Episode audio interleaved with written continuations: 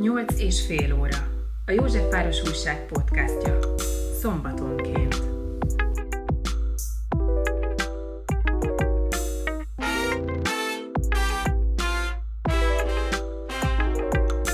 Bányai Géza vagyok. A Práter utcai kézműves technikum igazgatójával, Ernol Szilveszterrel beszélgettem az irodájában, és bár sokszor előkerült az iskola, az oktatás témája is, alapvetően az életéről beszélgettünk.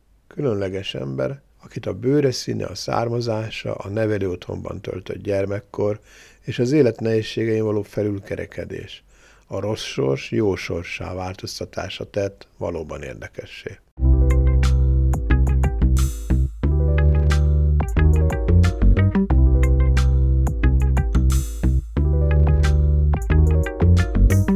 Aki elsőre találkozik magával, az rögtön azt kérdezi, hogy te honnan jöttél, vagy maga honnan jött, vagy ön honnan jött, uh-huh. mert az arcára van írva, hogy valahonnan jött, nem Magyarországi az eredete. A kérdés azért nagyon jó, hogy egyáltalán meg mere szólítani. De van, amikor meg se szólítanak, hát csak néznek, és, uh-huh. és mennek tovább. Nagyon aranyos, idős emberek, nénikék, azok megszólítanak. Ó, drágám, magának milyen szép barna a bőre. Uh-huh. Tehát honnan jött? Igen. Nagyon kedvesen teszik fel ezt a kérdést, természetesen megállok, és akkor elkezdek velük beszélgetni, és jó az a beszélgetés. Szeretem ezt a beszélgetést. Igen? Igen, igen, mert kíváncsi. Mindig szerette? Ő, mindig úgy kérdeznek. De Tehát, mondjuk, amikor gyerek volt, vagy kamasz. Ja, akkor sajnos nem úgy kérdeztek. Pont a Magyar Televízióban dolgoztam képmérnökként, mert van műszaki végzettségem mm. is. Jöttem haza, pont Krudinák Alajosnak volt egy műsora, hogy a Panoráma, abban mm. dolgoztam, én voltam a vágója az egyik műsorának, és fáradt voltam, hajnalban jöttem haza, és akkor felszállt egy csapat a villamosra. Hát az egyik úgy, úgy gondolt, hogy megkérdezi, hogy én is, hogy honnan jöttem, csak nem ezekkel a szép szavakkal, uh-huh. hanem egy kicsit uh-huh. erőteljesebben, és hát irónia nem volt benne, inkább gyűlölet. De olyan szinten kérdezte, amire én úgy gondoltam, hogy erre nem kell nekem válaszolnom. Tehát egyáltalán nem is kell vele foglalkoznom, mert ugye a, a, a kérdés, hogy én honnan jöttem, mit keresek itt, menjek haza, ez az ő országa, ne vegyem el másoktól a munkát. Erre én nem válaszoltam, tehát próbáltam nyugodtan ülni tovább, hát volt uh-huh. ilyen. De ezek mind inkább fiatalkori uh-huh. események. Már akkor megvolt a szociálpedagógusi diplomám, és Kövanya Kispesten történt pont ez az eset. Volt egy, egy csoportosulás, és nem tudom, hogy miért, de ott jöttem el. És akkor valaki ugye odafordult, és mondta, hogy hát az ilyenek miatt nincs munkája az én férjemnek, és hát effektíve ugye rám mutatott. Mm, elég magas az igazságérzetem, és akkor úgy megkérdeztem, de hát asszonyom, miért? Mit dolgozik az ön férje? És azt mondja, autószerelő. Én meg azt mondtam, szociálpedagógus vagyok. Uh-huh. Na és ebben be is záródott a beszélgetés, mert a többenet az arcán a hölgynek, hogy az mi? Egyfajta elégtétel volt, de ott befejeztük a beszélgetést. Persze a képen láthatják a hallgatóink is, hogy hogy néz ki. és Igen. ugye félig afrikai, gánai származású, és félig pedig magyar származású, Igen. de ha jól tudom, igazából ö, sosem volt afrikai múltja. Ez pontosan így van. Édesapám gánai, az elsők között jött Magyarországra az orvosi egyetemre tanulni, uh-huh. a 62-ben. Pécsen kezdte, majd Budapesten fejezte be, megismerkedett édesanyámmal, sajnos a történet nem túl jó uh-huh. ebből a szempontból, aminek a lényege tényleg nagyon röviden, mert napokig lehetne róla beszélni, uh-huh ilyen-olyan-olyan okok miatt nem értették meg egymást, mm. amiben azért elég erősen bele tartozott a akkori magyar társadalomnak a gondolkodása. Ez elutasítás? Elutasítás, igen. Mm. Ez egy nagyon fontos dolog, hogyha egy, egy fehérbőrű nőnek egy színesbőrű kisgyereke van, és mondjuk a környezete emiatt őt lenézi, folyamatos, hát nem túl szép mondatokkal illetik mm. őt, hát talán mondhatom azt, hogy, hogy kicsit gyengé volt az ő lelki világa, és ugye engem államgondozásba adott. Mikor született? 67-ben. 67-ben. Igen, igen. Mert fölhördül egy-két anyuka, hogy én akkor sem adom a gyerekemet, és, és én akkor is foggal körömmel védem. Van ilyen, ismerek ilyen uh-huh. anyukákat, valóban. Tehát, hogy az ő gyereke a mindene, teljesen mindegy, hogy sárga, piros, fekete, bármilyen bőre színe van, akkor is az ő gyereke. Uh-huh. De azt is el kell fogadnunk, hogy vannak olyan emberek, akik nem rendelkeznek ilyen erős öntudattal, lelkivilággal. Hát már kicsit, ha jobban belemennénk a pszichológiába, uh-huh. akkor uh-huh ez úgy, úgy, úgy ezt meg lehet érteni, tehát emiatt én nem is bántottam. De ez egy, nagyon úgy hangzik, mintha ez egy hosszú feldolgozási folyamatnak az eredménye lenne ez a megbocsájtó Pontosan, hozzáállás. pontosan, uh-huh. pontosan, pontosan, mert ugye ezt nem értettem. Másodszorra uh-huh. haragudtam, és utána megértettem. Uh-huh. És aztán van a megbocsátás. Uh-huh. Ez mennyi időbe telt? Ó, hosszú idő. hosszú. Talán 30 év? 30 év. Igen. Mm. igen, igen. Egyébként a szüleivel ma van kapcsolata? Nincs. Édesanyám meghalt mm. 2009-ben, édesapám meg ugye Németországban él, de ott van neki egy másik családja, és hát ugye másik család. Igen. Uh-huh. És az, amivel ugye mindig azt mondják, hogy itt van Ernó Szilveszter, a gánai herceg fia, hogy gánai herceg. Ez a, ez a hercegség, ez a, a, a, ez a, a kinézetében megvan az a mondjuk méltóság teljesség, hozzá lehetne egy gánai herceghöz kötni, de azért ez kisgyerekként elkísértett. Mindenki keresi a gyökereit. Uh-huh. De ezek olyan gyökerek, amik én úgy érzem, mintha egy ilyen mesébe lennének. Hisz ezzel nem volt soha közvetlen kontaktusa. Ö, minden embernek meg kell tanulni magát szeretni, és meg kell tanulni magát tisztelni. Hogyha ez úgymond nem jön el, tehát nem, nem érezzük ezeket az érzéseket belülről, akkor teljesen mindegy, hogy ki honnan származik, ki, ki az apja, anyukája, ott bajok lesznek. Nekem is hosszú idő kellett ahhoz, hogy elfogadjam magamat. Tehát úgy elfogadni magamat, hogy a kívülállók azt mondják, hogy te mit akarsz itt, te, te nem ide tartozol. Tehát ez egy nagyon erős dolog. És főképp akkor, amikor egy védett világban élsz, mert a nevelő otthon ez egy védett világ.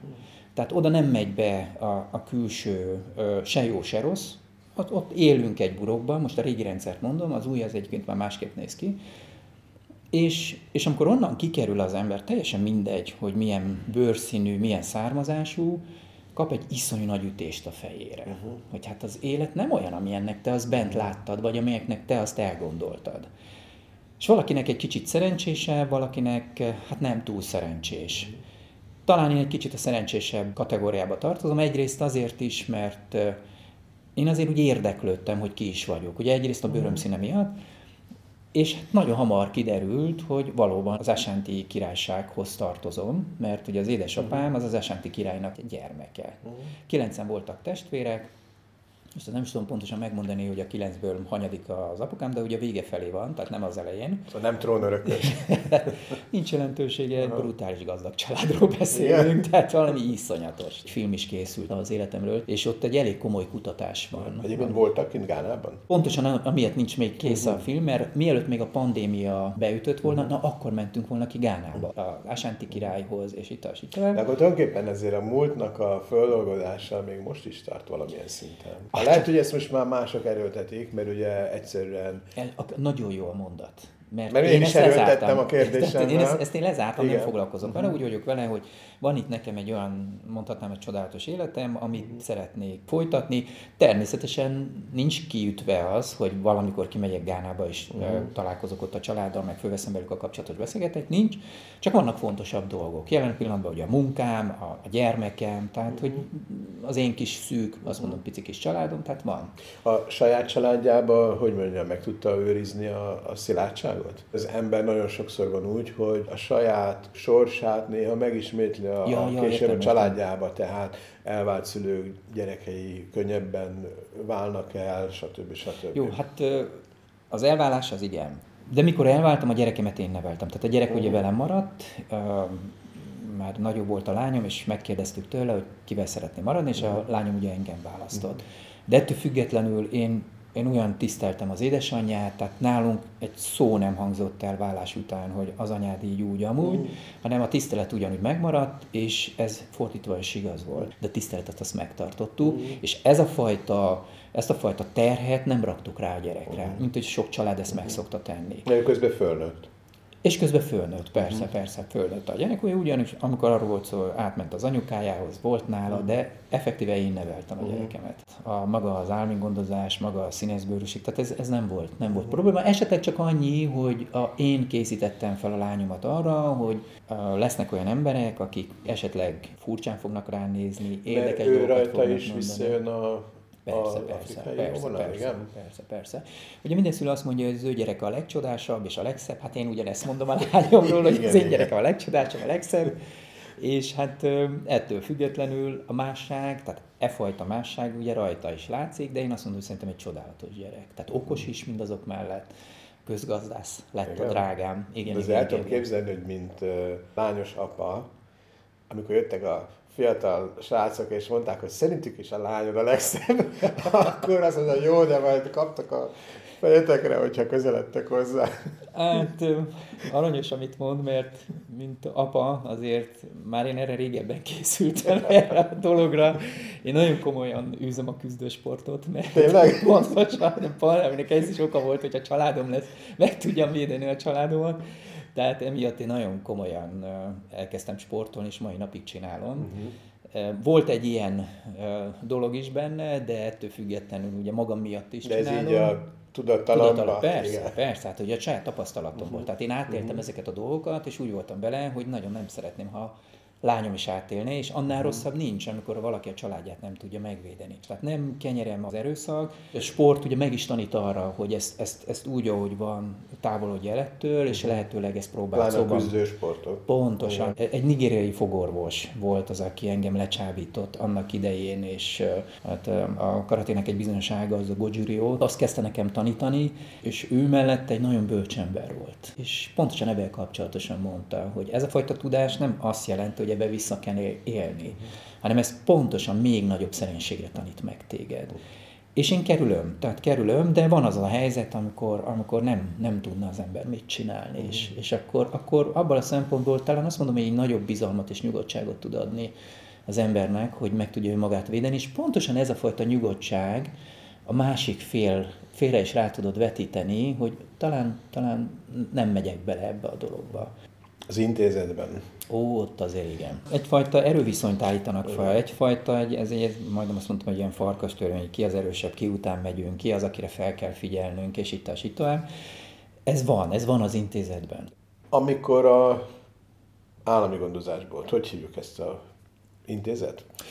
Ez jó, mert valaki ugye elmegondozásnak, valaki ezt Zacinak nevezi. Zacinak. Zaci, bent voltam a Zaciban, tehát beadtak az Zaciba, Aha. tehát vannak ilyen, ilyen, ilyen, ilyen, keserű megjegyzés. Erős mondatok, Aha. nagyon erős Aha. mondatok. Igen, akkor nevelő otthon, tehát Aha. sokféleképpen nevezik, de abban az időben inkább az acis szót használtuk. Tényleg? Igen, igen, igen. Tehát én egy zacis vagyok, tehát ezt a szót. Tehát, tehát akkor nem, nem volt egy, egy, ott egy olyan emberi, hogy mondjam, melegség, vagy valami, ami nem, egy nem, picit nem, az nem, otthonra emlékeztet? Nem, nem, nem, nem, nem, nem. Szó nem volt erről. Ott egy, ott egy közösség volt, és az a közösség ugye egymást elviselte, elfogadta, és ott, ha voltak nagyon profi tanárok, akik ezt tudták kezelni és vinni, akkor, akkor jó dolog volt, ha nem, akkor nagyon komoly problémák.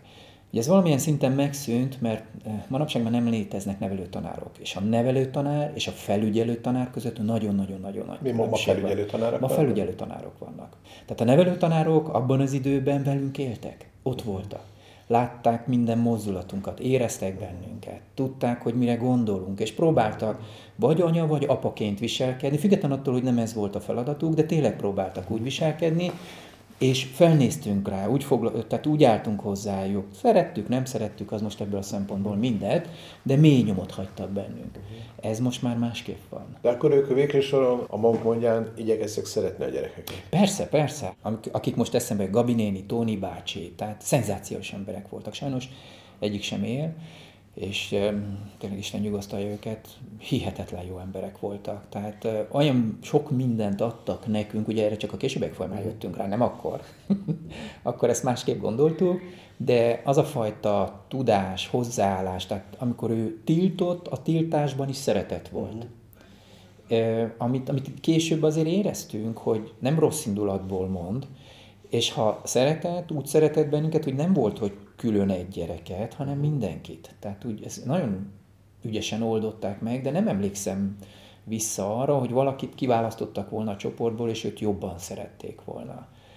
De mindenkit a saját egyéniséges stílusa, gondolkodása szerint ö, ö, ítéltek meg, és segítették őt. Tehát Engem többször kiemeltek, mert én voltam uh, kisdobos vezető, úttörő, tehát én voltam Csillebércen, annak idején persze, akkor Zánkán, az úttörő táborban, tehát persze, igen, igen, uh-huh. voltam. Aztán amikor még kiszesnek is akartak, csak akkor már ugye már rendszerváltozás, meg egyéb dolgok jöttek, és akkor borult a Vili, de talán azért vittek, mert odafigyeltek rám már abban az időben a, a srácok. Tehát... A, az a nevelőtől az hol volt egyébként? Ú, nagyon sok helyen, hét sok, helyen. Hét helyen hét volt? helyen, hét helyen. Igen, akkor nem volt ilyen felmenő rendszer, tehát és nem is volt ennyire koadikált, tehát mondtam, hogy fiúk, lányok együtt, akkor vagy a lányok külön csak, és vagy a fiúk teljesen külön, és azon belül is, tehát ott az életkorok is nem voltak annyira tehát megosztott, mint például most. Mm. Én a Kmetti utcai Csecsemő otthonban kezdtem, tehát ugye az ott az orosz nagykövetség háta mögött van a Kmetti utca, Azért ez nagyon rossz hangzik, hogy ott kezdtem csecsemőként. Hát, igen, igen, Én igen, már igen, ott igen. jelentkeztem, mint valami katonai behívóval. Igen, úgy uh-huh. én kis csoki baba voltam, ezért visszajárok az intézményekbe, és nagyon aranyos történeteket mondanak el, és mondta az egyik óvónő, hogy a nagyobbakat úgy tudták egyszer lecsendesíteni, mert annyira rosszak voltak, hogy azt mondták, hogy ha csöndbe maradtok, akkor hozok és mutatunk nektek egy igazi csoki babát. És akkor levittek engem megmutatni, és tényleg csendben maradtak a gyerekek. És ez tényleg így visszagondolva ezen, én, én mosolygok rajta, valaki ezen teljesen kibukik, hogy úristen, hogy a gyereknek a jogai, meg így, meg én nem tartom ennek. Akkor Mettiből átkerültem a, a Bójaiba, ez fönt van a Rózsadombon, nagyon szép helyen. A Bolyaiból átkerültem a Hűvösvölgyi nevel otthonba, ez a Hűvösvölgyi úton van fönt jobb oldalt, hogyha megyünk fölfelé. Nagyon szép helyen van, gyönyörű nagy területen, jó levegő, tényleg nagyon szép. Hűvösvölgyi nevel otthonból lekerültem második Rákóczi Ferenc, alsó Béla tele, a Balaton mellé, ott ugye négy évet töltöttem ott, tehát az első osztálytól egészen negyedik osztály, csodálatos hely. Tehát tényleg azt mondom, hogy ott is csak a természetnek a szépségeit szívtam magamban. Fonyod, fonyod után. Alsó Béla telepről ugye fölkerültem a Vasvári Pálnevel otthonba, ugye ez a Budakeszi úton, azt megint azt mondom, hogy csodálatos hely, Westmanfrednek a kastélya. Tehát ugye, aki a Csepeli gyár volt annak idején, és a Vasvári Pál nevelő otthonból, mert át, átkerültem az Esze Tamás nevelő otthonba, ami a fogaskerekű mellett van. Hát az is van pazar, kilátás, gyönyörű hely, és akkor még ott a Béke nevelő otthon is bejött, de ott már nem voltam teljesen az ugyanúgy a Budakeszi útnak egy, egy folytatásánál, és egy eldugott, bent az erdőben egy eldugott helyen. Itt befejeződött a nevelő otthonos életem, és akkor kikerültem a nagybetűs életbe. Akkor akkor... maga egy budai gyerek. Igen, igen, egy, egy pontosan így van. Ez, ezen, ezen nem régiben beszélgettem egy, egy kedves barátom, és azt mondtam, hogy én valójában csodálatos környezetben nőttem fel. Uh-huh csodálatos környezetben, míg vannak olyan gyerekek, akik, ugye belvárosban is vannak nevelő otthonok, tehát zárt, eldugott, füstös, büdös. A baj ott kezdődik ennél, hogy csak bárki, aki végignézi ezeket a helyeket, amiket elmondtam, tehát rá fog jönni, hogy tényleg gyönyörű hely. De amikor egy álmi gondozott gyerek egy ilyen helyen nő fel, majdan kikerül, benne egy olyan vágy keletkezik, hogy ő ilyen helyen szeretne lakni, uh-huh. hogy akkor vagy az van, hogy ez a vágy erősíti őt és előre viszi, és, és megteremtem magamnak ezt a légkört, vagy totálisan elbukik. Mert ne, azt mondja, hogy nem, nem vagyok képes ezt megcsinálni. Ezt egyébként egy jobb családból származó ember sem tudja megcsinálni. Pontosan. Azt sem választhatja csak úgy a budai helyeket otthonául. Igen, igen, igen. igen. Tehát gyönyörű abban a szempontból, hogy, hogy szép helyen növünk fel, iszonyú fájdalom abban a szempontból, hogy ide, a, a, hát bocsánat, soha nem tudok visszajutni. Uh-huh. Vagy hogy hogyan tudok ide visszajutni. Milyen úton, módon. Na most azt tudni kell, hogy az állami gondozók többsége akkor, most arról az időszakról beszélek, amikor kikerültem. Tehát azt mondom, hogy fele-fele arányban, szinte. Ez egy nagyon erős mondat lesz, amit mondok, de a bűnöző világot választotta. Pontosan azért, mert nekem ne parancsoljon senki, én élem az életemet, én tudom, hogy mit kell csinálni, a könnyű pénzszerzés által meg tudom azt teremteni, ami igazából nekem kell, az az út, amin én végigmentem, az a legnehezebb út. Az a leggöröngyösebb és a legnehezebb út, mert ez semmi másról nem szól a küzdésről és a küzdésről. Míg a bűnöző világ felé fordulok, az nem. Mert valamilyen szinten a bűnöző világ az egy, az egy ilyen testvéri társadalom, erős dolog, amit mondok, de gyere ide, befogadunk, védünk, óvunk téged, megadunk neked mindent, de akkor innen te nem mész ki, te innen más dolgot nem mondasz, nem, tudsz, nem is tudsz ebből kilépni, uh-huh. de olyan milliót teremtünk, ami, amit te álmodni sem tudtál. És természetesen ebbe belemegy az ember.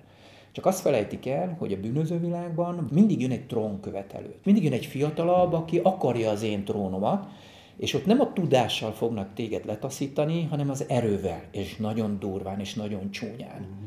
Tehát ott nagyon csúnya halált halnak azok az emberek. Valakinek ez tetszik, attól függetlenül, mert úgy van vele, hogy velem ezt nem lehet megcsinálni. Valaki szerencsésen ki tud ebből lépni, tudok róla, hogy voltak olyanok, akik ezek valamilyen oknál fogva szerencsésen, és úgy elkerülök ezt a világot, hogy ihaj. A másik a nehezebb, amikor ugye tanulással, munkával, küzdéssel kezded, de az a biztonságosabb.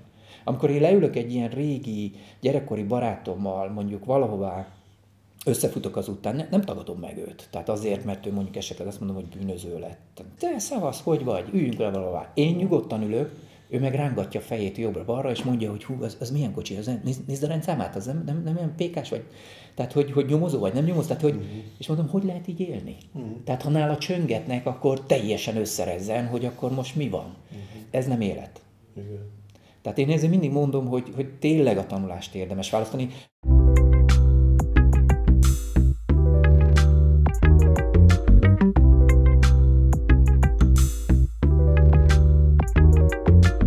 Van egy olyan munkám, ami a fiataloknak a támogatásáról szól. Uh-huh. Tehát igazából ez egy roma program. Uh-huh.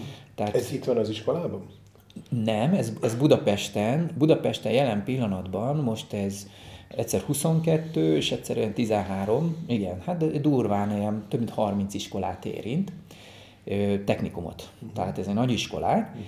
Roma fiataloknak kell segíteni, hogy az életben még jobban el tudjanak úgymond helyezkedni. És itt, az, itt igazából a gondolkodásbani változtat, a gondolkodásbani erősítés, mm. tehát hogy, hogy mit kell neked ahhoz tenni, hogyan kell élned, hogyan kell viselkedned, hogyan, hogyan gondolkozz. Tehát én nem mondom meg a tutit, hanem csak elmondok valamit, és akkor ő abból mit szűr le. De ha ő még kérdez, akkor válaszolok rá. Tehát mutatok neki dolgokat, ha kell, elviszem olyan helyre, és itt, és itt, és itt tovább.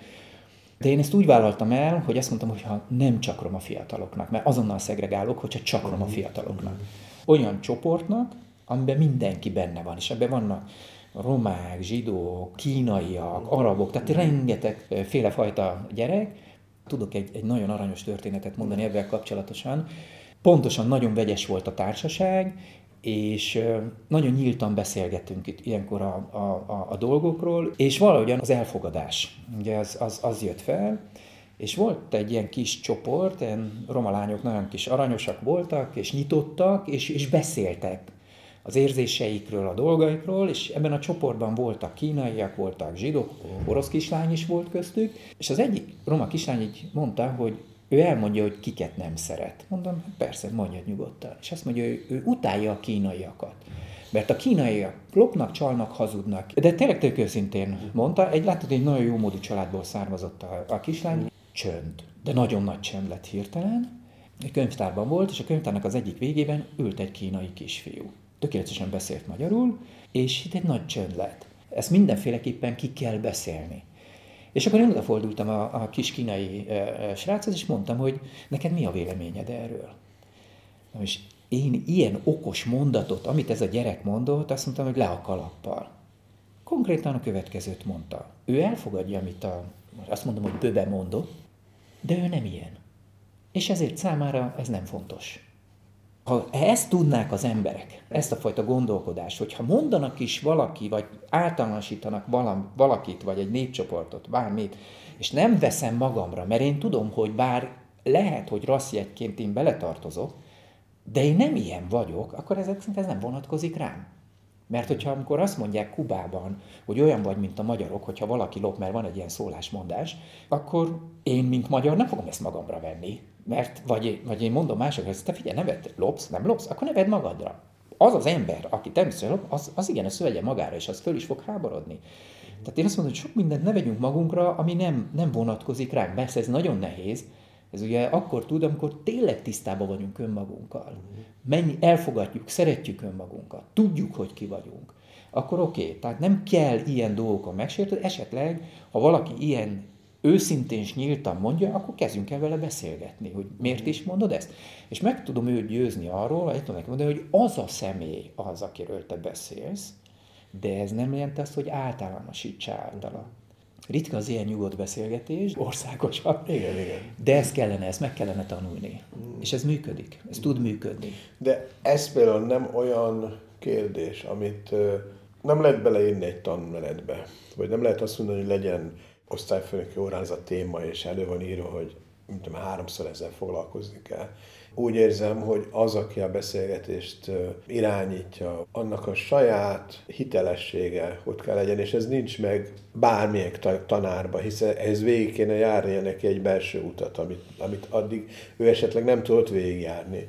Esetleg például csak azért, mert az élet nem hozta őt olyan helyzetbe, hogy ezeken a dolgokon mélyebben el kelljen gondolkodnia. Ezért van az, hogy, hogy tanároknak is tartok előadást. Tehát sok esetben általában ezek az iskolák, ahol előadást tartok, van, amikor az igazgató külön kéri, hogy a tantestületnek is tartsak előadást, és akkor teljesen más témáról. Uh-huh. Tehát, hogy a tanár-diák kapcsolatáról kezdünk el beszélni, mik azok a, a dolgok, amin ez az egész dolog el szokott indulni. A tanárok nagy többsége egyébként érintett a témában. Igen, tehát ö, olyan mértékben derülnek ki, hogy mit hozunk a családból, jelen pillanatban mi van a családban, a környezetünkben, a, az ismerettségünkben. Tehát talán mondhat, mondhatnám azt, hogy nincs is olyan tanár, aki ne, valamilyen szinten ne kapcsolódna, valamilyen úton, módon ezekhez a dolgokhoz. Na most jön az, hogy na mennyire vagyok én intelligens.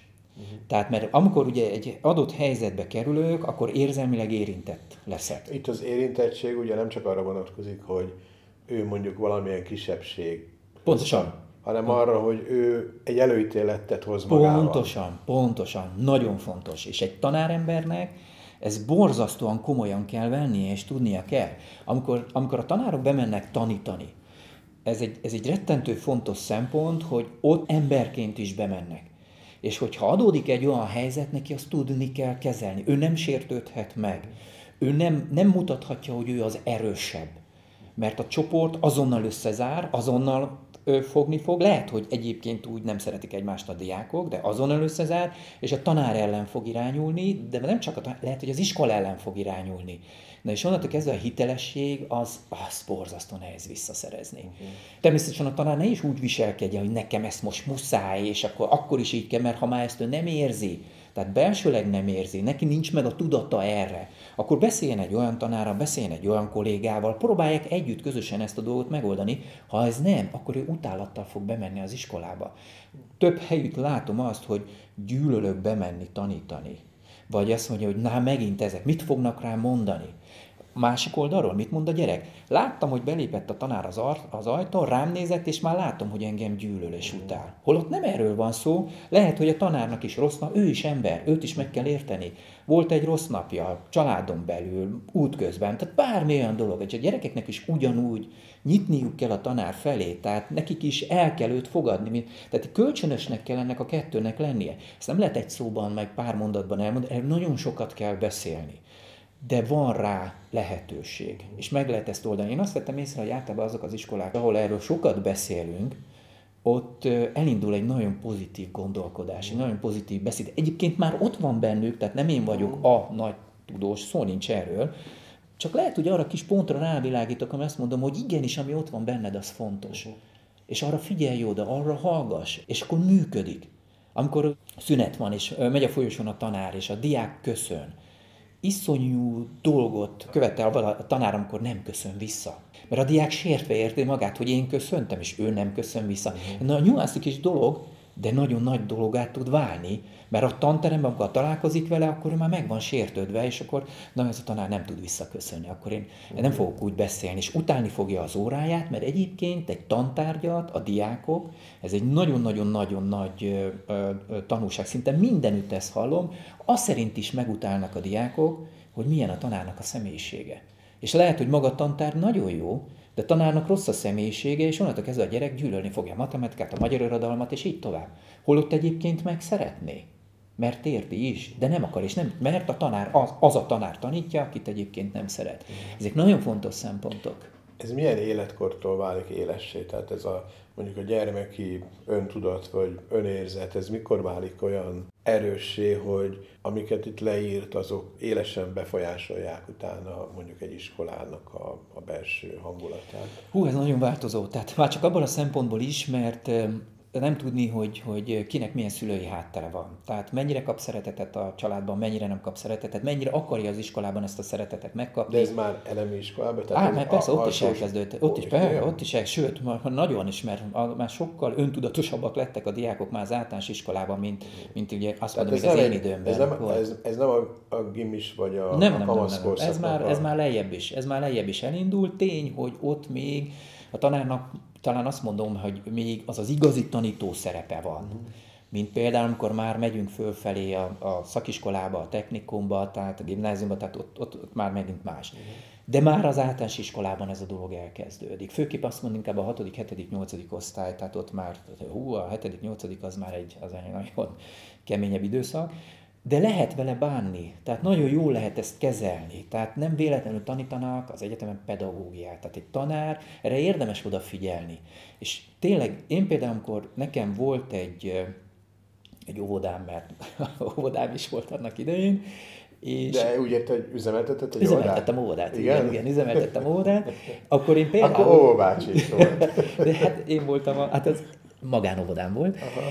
és én például behívtam a kollégákat, amikor elindítottuk az óvodát, és azt mondtam, főképp hölgyek dolgoztak, nők dolgoztak nálam, és mondtam, hogy nagyon szépen kérem, hogy mindenki, furcsa dolgot mondok, mindenki felejtse el azt, amit az egyetemen tanult.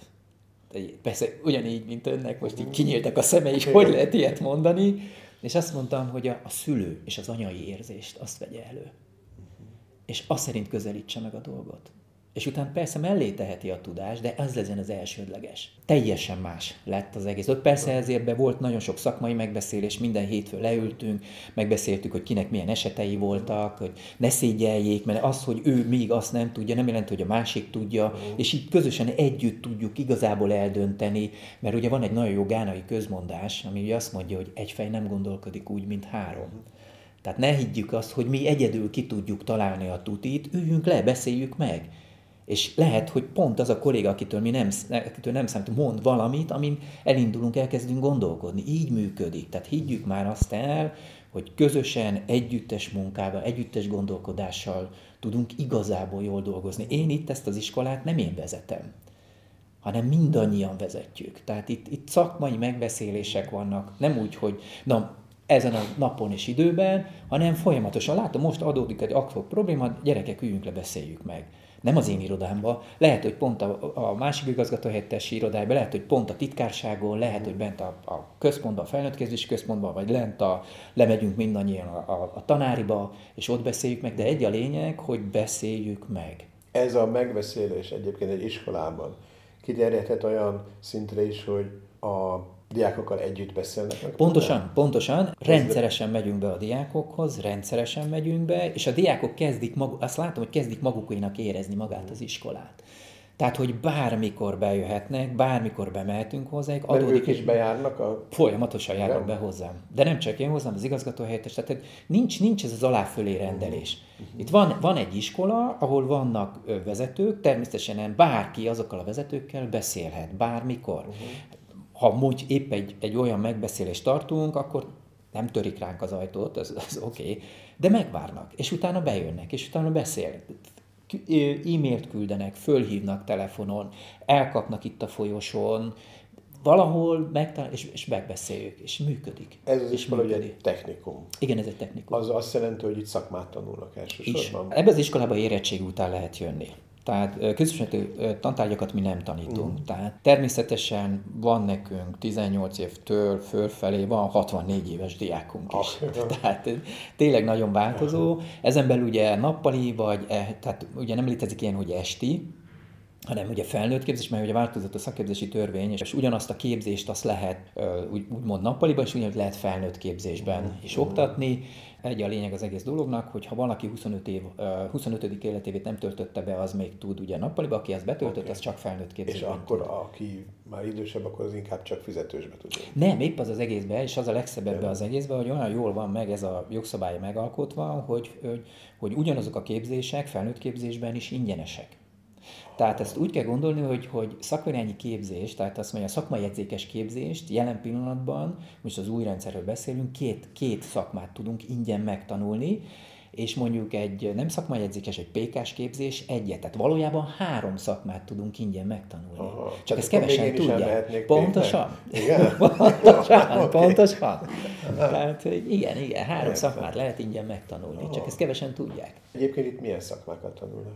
Én szerintem nagyon jókat. Ugye egyrészt a fogtechnikus, tehát ugye ez, ez, szerintem ez, ez hihetetlen jó szakma. Bárki, aki ezt elvégzi, e, ebből tuti, hogy megél, és tudja a családját biztosítani.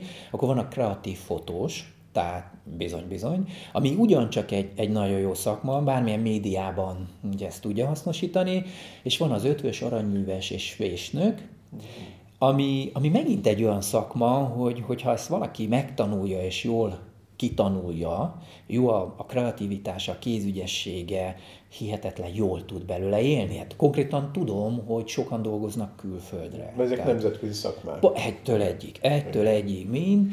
Ez semmi máson nem múlik, hanem csak azon, hogy, hogy aki egy szakmát választ, azt azért válassza, mert az őt érdekli. Tehát sok esetben választanak az emberek úgy szakmát, hogy nincs más nem vettek máshová fel. Uh-huh. És ami nem jelenti azt, hogy nem alakulhat a későbbiek folyamán benne ki a szakmai iránti érdeklődés uh-huh. és a szakmai iránti szeretet, meg kialakulhat, mert többször van az, hogy valaki már valamilyen munkát végez, és eljön ide hobbiból valamit megtanul, és olyan mértékben megszereti, olyan szinten ki, ki, ki, kinyit benne valamit, hogy azt mondja, hogy úristen, hát ez, ez amire vártam. És, és akkor azt a szakmát, amit eddig csinált, abba adja, és akkor ezt folytatja.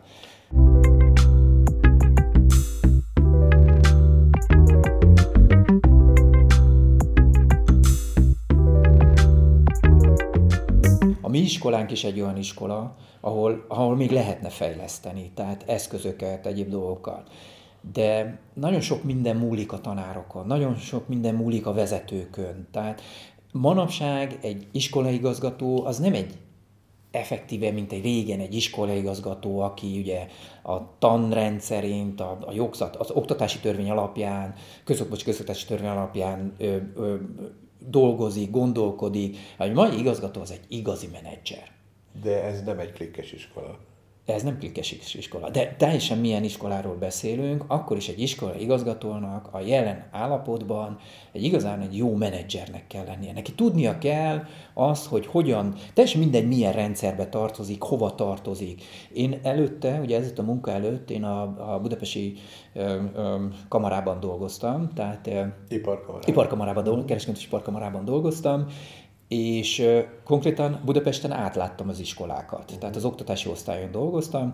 Nagyon sokáig egy szenzációs ember volt a főnököm, azt lehet mondani a nevét, mert tényleg egy szenzációs ember, Elek Csabának hívták, és amikor Csaba elment a, a, a kamarából, akkor, akkor ugye engem neveztek ki oktatási igazgatónak, nagyon nagy megtiszteltetés volt utána egyébként ott dolgozni.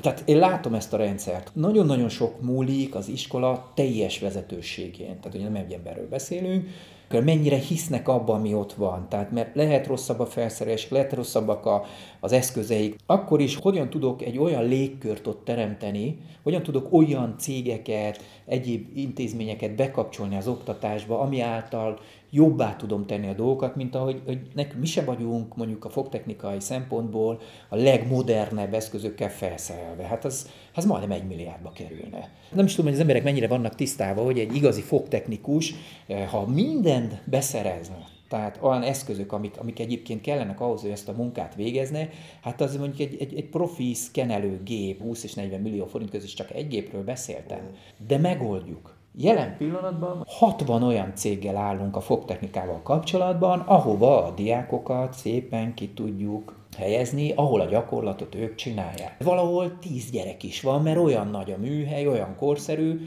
és, és látom, mert egyébként mi ezt ellenőrizzük. Ez ugyanúgy ott van a fotósnál, tehát mi nem tudunk egy olyan műtermet most biztosítani. Van műtermünk, jó a műtermünk, vannak benne dolgok, de mint egy profi műterem, tehát is nagyon-nagyon komoly cégekkel állunk kapcsolatban, akikhez ki tudjuk a tanulóinkat helyezni, és ott tényleg a legmodernebb, legtutibb dolgokat tanulják. Ez az iskola vezetésen múlik. Nem egyszerű így sem, mert ugye a gazdálkodók nagy többsége azt mondja, hogy én nem akarok, nekem meg kell értetni vele, hogy miért jó neked, hogyha tanulod, foglalkoztatsz. Az, hogy hiány van szakemberekből, az sem ösztönzi őket, hogy jobban együttműködjenek? A kamaránál én nagyon sokat jártam ki Németországba és Ausztriába. Tegyük félre teljesen a politikát. De én azt láttam, hogy a, a német állam és az osztrák állam közel nem ad olyan támogatást, mint a jelenlegi állam Magyarországon.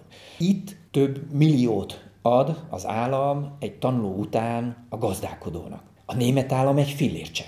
De ott pedig cégek saját költségükön M- mert ők működtetnek iskolát. Pontosan. Ez az, amit mai gazdálkodóknak meg kell érteni, hogy ő neveli ki magának a munkaerőt, amiből majd ő fog profitálni, és a német még ráadásul úgy gondolkozik, hogy azt mondja, hogy én most tanítok öt gyereket, de nekem abból egy kell. És a többi megy tovább valahová, de azt nem ellenfélnek vagy konkurenciának fogja gondolni, mert az a tudás, amit átadtam, fejleszti a német gazdaságot tovább. A gazdálkodóknak meg kell azt érteniük, hogy nem ellenfelet, meg nem, nem konkurenciát teremt magának, hanem éppenséggel valakit, aki által majd az ő üzlete is jobban megy. Lehet, hogy én egy gyártó vagyok, és azáltal, hogy kinevelem őt, de az én termékemet ismeri, és elsődlegesen az én termékemet fogja választani és vásárolni, ha ő mondjuk ő üzletet vagy egy, egy vállalkozást szeretne indítani. Ennek az iskolának nem dolga közismeretet tanítani. Igen.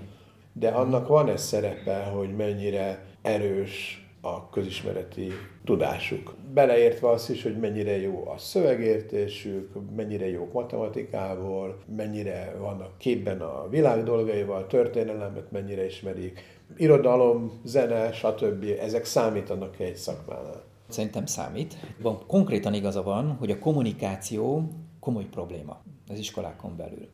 Tehát, hogy merjenek beszélni, merjenek a véleményüket elmondani, tudjanak a szakmáról beszélni, tudják a gondolataikat kifejteni.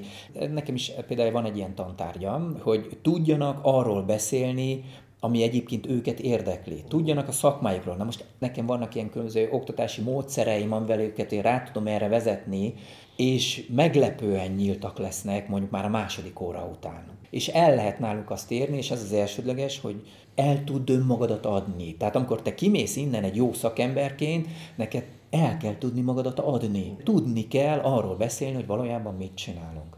És természetesen belecsempészünk egy-két személyiségfejlesztés is, ugye magába az oktatásba. Ilyenkor visszajön a pszichológus? A pedagógus inkább. Pedagógus? inkább a pedagógus. Aha.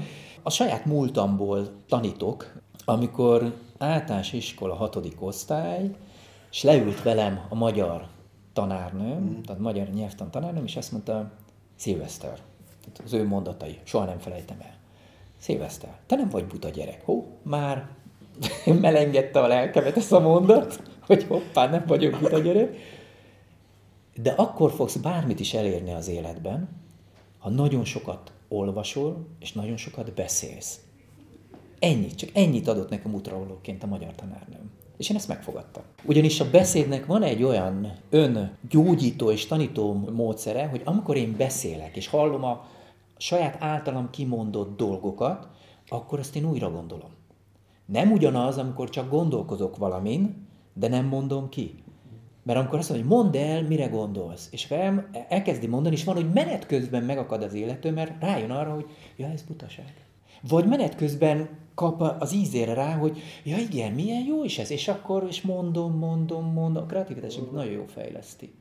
Régen azt mondták, hogy írjon, írja le a dolgokat. Uh-huh. Az hasonló? Hasonló, hasonló, mert az is, hogy a gondolataidat leírod, és a gondolataidat visszaolvasod. Csináltam én is ezt régebben. Leírtam, és másnap azt mondom, hogy úristen, ki írt ezt a hülyeséget? Hát én. Uh-huh. De másnap. De akkor ezt teljesen jónak tartottam. Tehát nagyon jó az írás is, tökéletes. Mert, mert, mert hogy a gondolataink belül tulajdonképpen inkább érzések formájában jelennek meg. Ugye? Pontosan, pontosan, sőt. És amíg nem tudjuk megfogalmazni, addig annak az érzésnek a, a... Nincs valós alapja. A valós alapját nem pontosan, látjuk. Pontosan, Igen. pontosan. És abban a pillanatban, hogy leírjuk, kimondjuk, tehát már megfogalmazódik a dolog, és önmagunk azonnal elkezdjük értékelni. Uh-huh. Tehát, és ez egy nagyon fontosnak tartom, családon belüli beszélgetés, tehát diákok közötti beszélgetés, de mondom a beszédről, és nem az olyasfajta kommunikációról, amit nem tudok hova tenni, ugye a rövidített szavak, a... Smiley. É, é, hú. és ennek pontosan az a lényege, hogy amikor elmegyek valóban előadást tartani, akkor az első öt perc arról szól, hogy egyszerűen azt nézik, hogy egy magyarul beszél. Mutatnak, hogy ki vagyok, és a nevem által nem tudnak hova tenni, és azt hiszik, hogy most angolul lesz az adás, és akkor megszólalok magyarul, és az, látom az első öt perc a szemeken, hogy Hát én értem, hogy mit mond. De tényleg látszik az embereken. És ezt én élvezem, ezt nagyon élvezem. De ez, ez ad egy bizalmat is feléjük. Tehát az emberekben ez egy borzasztó nagy bizalmat is ad, amikor ugye én elkezdek velük beszélgetni, hogy kívülről nem gondolták volna, és azt is látom, hogy keresik az akcentust. Ez a másik, hogy kire hasonlítunk, hogy, hogy a, a diákok nagy többsége valakire akar hasonlítani, nem akarnak magukra hasonlítani. Tehát ez is egy nagyon komoly személyiségi probléma hogy öltözködésben, beszédben, viselkedésben. Igen, de visszakanyarodunk. Igen, igen. A saját gyerekkorában, akkor kire akart hasonlítani? Hisz magába hordozta a, idézőjelben mondom, a herceget, aki, azt én aki, később aki, tudtam meg. Azt csak később tudtam azt én később, én akkor, Tehát azzal nem királták meg rögtön az elején. Nem, nem, nem, nem. nem. Magyar televízióban dolgoztam, én ott hívtam fel először édesapámat Németországba, mert úgy, azért úgy otthonról nem lehetett csak úgy Németországba telefonálni, de a televízióból lehetett. Ott, ott bármelyik telefonhoz ült az, az ember, és már tudott külföldre telefonálni. És akkor így kezdődött a, a kapcsolatfelvétel, az is egy külön érdekes dolog, hogy hogy... magyarul beszélni? Apám hét nyelven beszél. Hét nyelven, hét beszél. nyelven beszél, és ezek közt a magyart is, és, a, és nagyon szépen beszél, olyan pillanatban is még a magyar. Mm. Később folyamán, amikor ugye elkezdtem jobban kutatni utána, azt a gánaiak mondták el. Tehát amikor a Tömő utcában mentem, és ott megtaláltam a gánaiakat az orvosi egyetemen, hogy van a Tömő utcában egy kollégium, a Szemelveszt Egyetemnek ugye egy kollégiuma, Igen. és amikor elmondtam, hogy, hogy dr. Abba Bio Kissi Martinnak hívják az édesapámat, Abba Bio, mondom, ja, igen, Abba Bio. Azt mondják, hogy ó, oh, tudom ki az az Abba Bio? Mondom, nem. Akkor tudották velem a gárnaiak, hogy hát ez az Ásánti királynak a az egyik gyereke. Ez nekem ez egy jó érzés volt, tehát ebből a szempontból, hogy vagyok valaki. A nevek azok itt Másod. máshogy öröklődnek, mint a... Nem, nem, nem. Azért hívnak engem Elnur Abdallah Szilveszternek, és nem mondjuk Abba Bio Martinnak, mert sajnos édesapám soha nem ismerte el. Engem úgy hívtak hogy régen, hogy Nagy Szilveszter István. Ez volt a, a oh. magyar nevem, de ebből nekem nagyon-nagyon-nagyon komoly konfliktusaim voltak. Állandóan. Mint József Attilán. Igen, igen, igen, igen, igen, igen. Hogy egyszerűen nem tartottak magyarnak. Tehát, hogy mindenki, hogy neked miért ilyen a neved, te nem is vagy magyar, és állandóan, tehát bárhová mentem, bárhol bemutatkoztam, hát te miért vagy magyar? Fusztrált, de szó szerint fusztrált, és akkor egy Eltahír nevezetű szudáni férfi élt itt Magyarországon, aki, aki a nevére vett ismertem őt, ismertem a családját. Ez már felnőtt. Felnőtt, felnőttem, és, és én elfogadtam, mert abban a pillanatban, amikor, de szó szerint, amikor engem ő a nevére vett, megszűntek ezek a... Hát az emberek így elfogadtak, hogy jön neki az a neve. De akkor az Abdalakot is tőle kapta. Igen, igen, igen, tőle kaptam. Egyébként ő egy nagyon érdekes ember, De... és ő egy tábornok volt. Ő meg tábornok. Ő egy tábornok volt. Azért úgy tudta, hogy hogy kell beválasztani egy család. ő egy nemesi családból származó tábornok volt aki Oroszországban volt elég sokáig, uh-huh. és ugye Szudánban volt egy elég erős pucs, amiben ő is részt vett, és akkor őket haza hozt, vitték Szudánba, hogy kivégezzék őket, de a repülő leszállt itt Magyarországon, a Ferihegyen, és ő megszökött és ez élte, élte túl. És ő utána itt élt elég sokáig Magyarországon, majd amikor rendeződtek a helyzetek Szudánba, akkor visszament, és igazából ott halt meg. Tehát, de, de ő itt élt. Itt neki van egy felesége, vagy volt egy felesége, van egy fia, és én a fiát ismertem, tehát én a fiával voltam nagyon jó barátságban, és akkor ezáltal ismertem meg az apát, és az apa ajánlotta ezt fel, ezt nekem ezt a lehetőség, hogy ő érti, érti az én helyzetemet, uh-huh. tudja az én bánatomat, érzéseimet, és én akkor ezt elfogadom. Ez, egy, ez fontos. Igen, igen, igen, igen. igen. Szóval a, ad egy támaszt, ad egy biztosítékot. Pedig nem azonos az ember a nevével, hisz az csak egy Én jelzés. aztán azonosultam ezzel a névvel. Uh-huh. Én nagyon azonosultam ezzel a névvel, és ha, ha most nekem Tehát lehetőségem lenne... lelki támasztéknak lehet használni? Borzasztóan. Ja. Nagyon is, nagyon is, nagyon is. És ha nekem most, most ugye megadatik az a lehetőség, hogy fölvegyem mondjuk az ababiókat, én nem venném fel, én maradnék már ennél a névnél.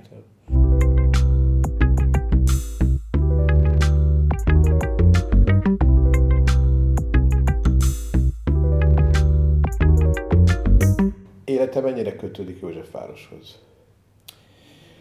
Na, ez is egy jó kérdés. Práter utcát keresztezi a Kisfaludi utca. Uh-huh. És a Kisfaludi utcában lakott édesanyám. Tényleg? Bizony. Édesanyám akkor a 8. kerületi önkormányzattól kapott egy lakást a Kisfaludi utcából, hogy engem vegyen ki az intézetből. Tehát kimondottan ezért kapta Tényleg. a lakást. Hát aztán sajnos a lakás megkapta, de engem nem vett ki, de jártam a Kisföld utcába. Tehát amikor már nagyobb voltam és kijárhattam az intézetből, akkor jártam. És ővel egyébként a haláláig kapcsolatot tartott?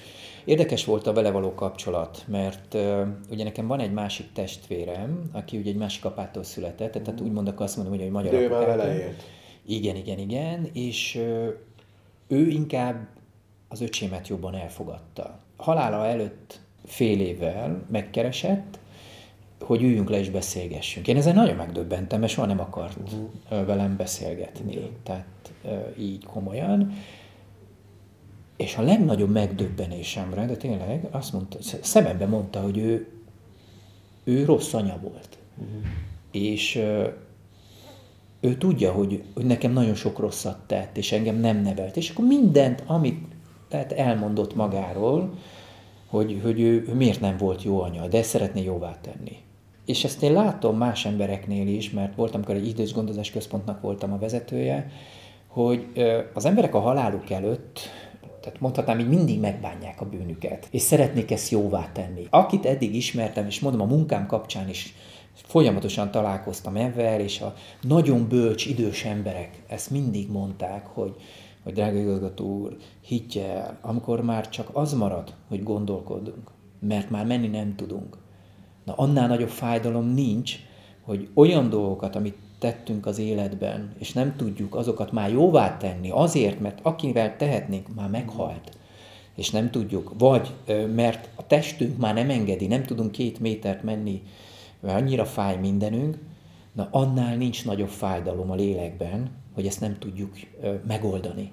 És ez, ez egy nagyon bölcs mondata volt az idős embereknek, és ezt én mondom mindenkinek, hogy ne, ne, ne élj haraggal, ne a gyűlöletet ö, ö, szítsad magadban, és raktároz és tedd el, hanem old meg ezeket a dolgokat, beszéld ki a dolgokat, ugye a beszéd megint előjön ebből a szempontból, beszéld, beszéld ki ezeket a dolgokat, beszélj a másikkal, ne, ne, ne legyél dühös, mint a családokon belül látom, nem beszélek vele, mert, mert ezt, meg ezt, meg ezt csináltad, de ne tegyétek ezt, mert eljön az idő, amikor ezt már nem tudjátok megtenni, és iszonyú fájdalmat fogtok magatoknak okozni, és lehet, hogy pont ebbe fogsz belehalni. Vannak, akik ezt elhiszik, mások meg úgy, hogy hát ez hülyeség, ez nem igaz. Ők is rá fognak jönni, hogy igaz. Mm. Csak fájdalmas lesz, mire rájönnek arra az igaz. Mm. Tehát nem kell gyűlölködni. Tehát ezt a gyűlköd, gyűlölködés, ezt a fajta haragudást a másikra, persze megharagudhatok valamiért a másikra. Természetes. De próbáljuk még az életünkben ezt megoldani. Tehát ez a nagyon fontos. Hogy ne akkor, amikor már nem tudunk, konkrétan nem tudunk ellene tenni. A tehetetlenség az egyik legnagyobb fájdalom. Tehát ez borzasztó tud lenni. De legtöbbször az ember azért haragszik meg, ha jól gondolom, mert a saját elképzeléseit keresztezi a másik, akarva akaratlanul. Amit a magyar tanár, kommunikálni, de kommunikáljunk egymással. Mert valahogyan az igazságot megtaláljuk, de kommunikálni Ha nem beszélünk egymással, uh-huh. akkor miről beszélünk? Uh-huh. Tehát jó, néha maga az is beszéd, hogy ülök és csak hallgatok, uh-huh. és hallgatom, hogy mit mond a másik. Igen. Tehát az is már maga, a csend, az is egy nagyon bő beszéd tud lenni de nem az, hogy befordulok, nem veszem fel a telefont, nem, nem, nem engedem be, rácsapom az ajtót, átmegyek a túlsó oldalra, ha meglátom, tehát ilyeneket ne csináljunk.